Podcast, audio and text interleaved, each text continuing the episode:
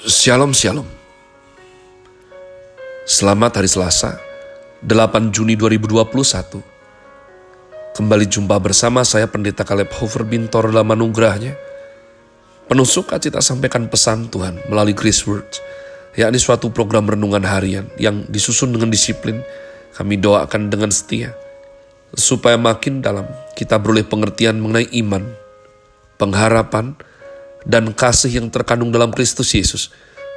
Sungguh merupakan kerinduan saya bagi saudara sekalian, agar supaya kasih dan kuasa firman Tuhan setiap hari tidak pernah berhenti menjamah hati, menggarap pola pikir dan terutama adalah kehidupan kita boleh sungguh terbukti berubah menuju Christ likeness. Masih dalam season summer dengan tema develop, Chris Word hari ini saya berikan judul Pentakosta bagian yang ke-8 dan kemungkinan besar yang terakhir untuk tahun ini membahas Pentakosta umat Tuhan. Mari kita bergegas menuju daripada Roma Fatsal 15 ayat 18 dan 19. Roma 15 ayat yang ke-18 dan 19. Sebab aku tidak akan berani berkata-kata tentang sesuatu yang lain kecuali tentang apa yang telah dikerjakan Kristus olehku, yaitu untuk memimpin bangsa-bangsa lain kepada ketaatan oleh perkataan dan perbuatan. Oleh kuasa tanda-tanda dan mujizat-mujizat dan oleh kuasa roh kudus. Demikianlah dalam perjalanan keliling dari Yerusalem sampai ke Lirikum. Aku telah memberitakan sepenuhnya Injil Kristus. Haleluya. Umat Tuhan, penginjilan dalam perjanjian baru bukanlah suatu aktivitas yang lemah, yang tumpul atau netral, bukan. Kau harus mengerti konsepnya. Tuhan Yesus menyuruh murid-muridnya tidak ke mana-mana. Padahal Tuhan Yesus sudah suruh murid-muridnya untuk pergi. Pergi. Jadikan semua bangsa muridku. Baptislah mereka dalam nama Bapa, Putra, dan Roh Kudus. Tapi pada waktu Tuhan Yesus naik ke surga, Tuhan Yesus bilang, stay. Tunggu dulu. Jangan ke mana-mana. Sampai engkau menerima kuasa. Karena adalah baik bagi kamu kalau aku naik. Sebab kalau aku naik, kata Tuhan Yesus, roh kudus turun. Yang sudah Bapa janjikan. Kau akan disertainya sampai akhir zaman. Kenapa?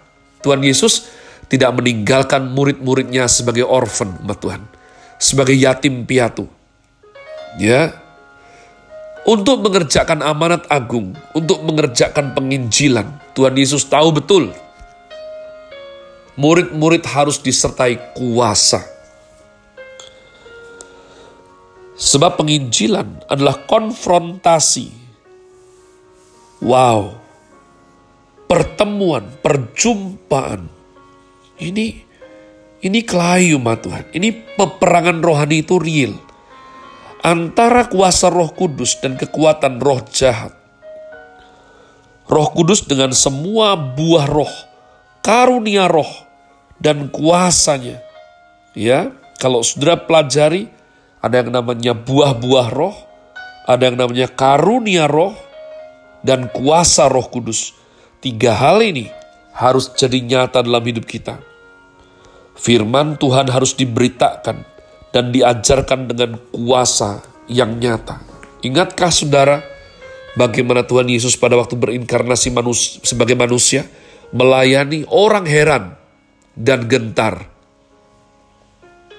Sebab perkataan Tuhan Yesus dikatakan hidup dan penuh kuasa.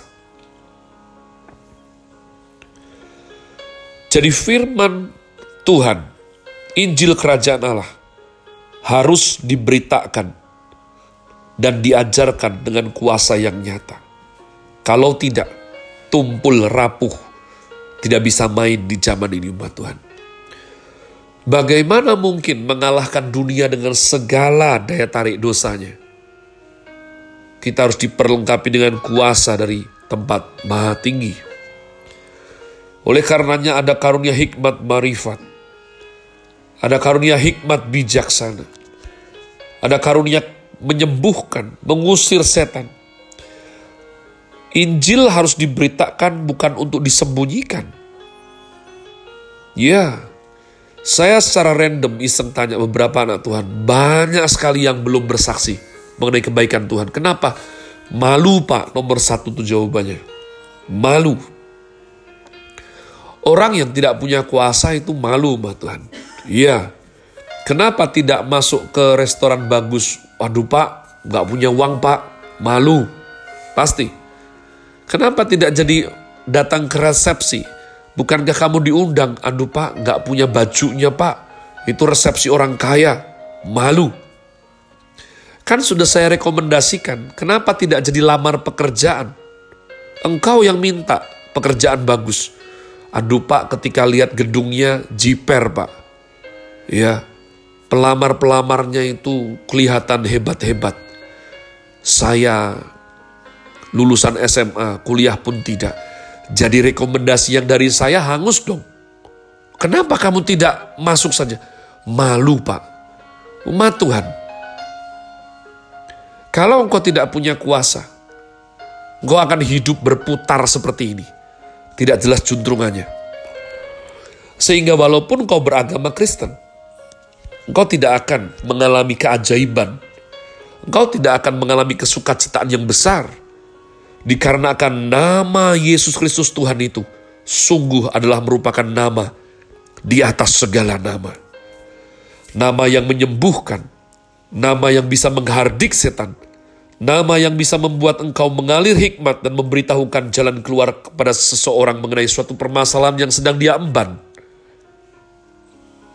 Injil harus diberitakan bukan untuk disembunyikan. Pak, yang penting saya cinta Tuhan deh sudah. Yang penting kan saya sudah melayani Tuhan. Kelu lidah saya untuk bersaksi. Bersaksi saja kelu, malu, apalagi harus menantang orang untuk terima Tuhan Yesus sebagai Tuhan dan Juru Selamat. Nah ini umat Tuhan. Karena belum menerima kuasa kalau sudah menerima kuasa, ciri khas orang manusia itu akan confidence, ya. Kita meyakini dan diajarkan oleh Bapak Rohani senior kita, Timotius Arifin Teja Sukmana, bahwa kita ini bukan percaya dunia, tapi juga bukan percaya diri. Kita ini percaya dia. Kita percaya dia yang mengutus kita umat Tuhan. Kita percaya Tuhan yang menyertai kita, namanya Immanuel. Roh Kudus memberi kita kuasa untuk menjadi saksi Kristus yang efektif. Rasul Paulus mengakui bahwa ia mengadakan tanda-tanda mujizat yang berhubungan dengan pemberitaan Injil, seperti di Nats yang tadi kita baca. Aku nggak berani kalau berkata-kata tentang sesuatu yang lain, kecuali tentang apa yang telah dikerjakan Kristus olehku. Ya, yeah. dia ingat bagaimana dia di Damaskus umat Tuhan. Dia tidak cari Tuhan, dia cari orang Kristen untuk dianiaya, tapi jumpa dengan Tuhan. Dia ingat semuanya. Oleh karenanya dia bilang, oleh kuasa tanda-tanda dan mujizat dan oleh kuasa roh kudus, dia keliling dari Yerusalem sampai ke Ilirikum untuk memberitakan sepenuhnya Injil Kristus. Nah, menarik untuk memperhatikan bahwa sering kali kata tanda-tanda dan mujizat-mujizat digunakan sebagai suatu ungkapan umum yang mengacu kepada mujizat yang dihubungkan dengan kuasa Roh Kudus ya.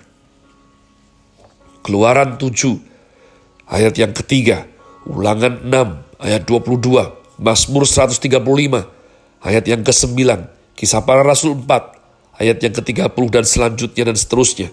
Nah, kadangkala ketiga istilah ini dikombinasikan kekuatan-kekuatan dan tanda-tanda dan mujizat-mujizat.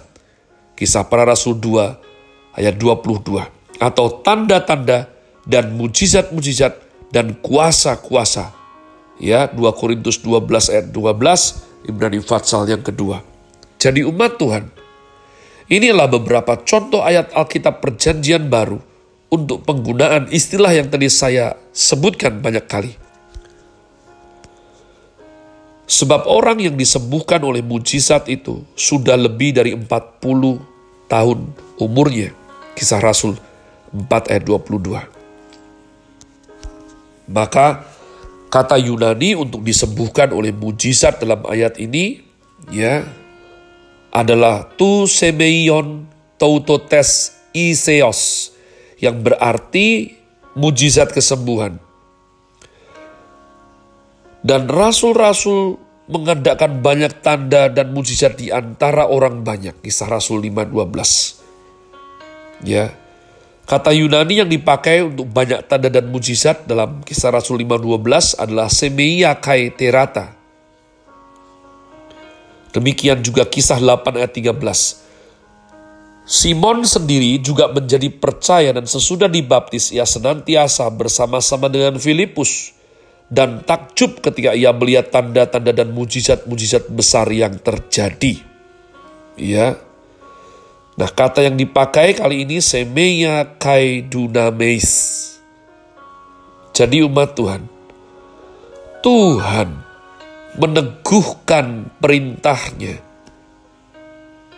dengan kuasa, tanda, dan mujizat yang dibagi-bagikannya seturut kedaulatannya, seturut daripada orang-orang sudah dipanggilnya untuk mewartakan Injil Kerajaan Allah.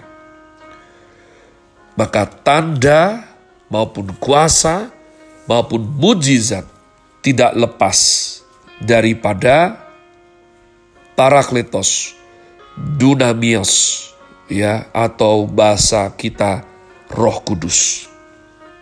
Jadi inilah daya tarik yang kuat daripada gereja Tuhan.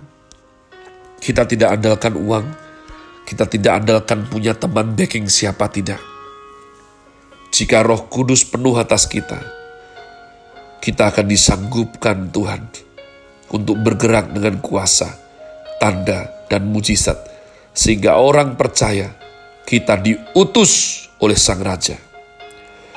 Have a nice day. Tuhan Yesus memberkati saudara sekalian. Sola Gracia.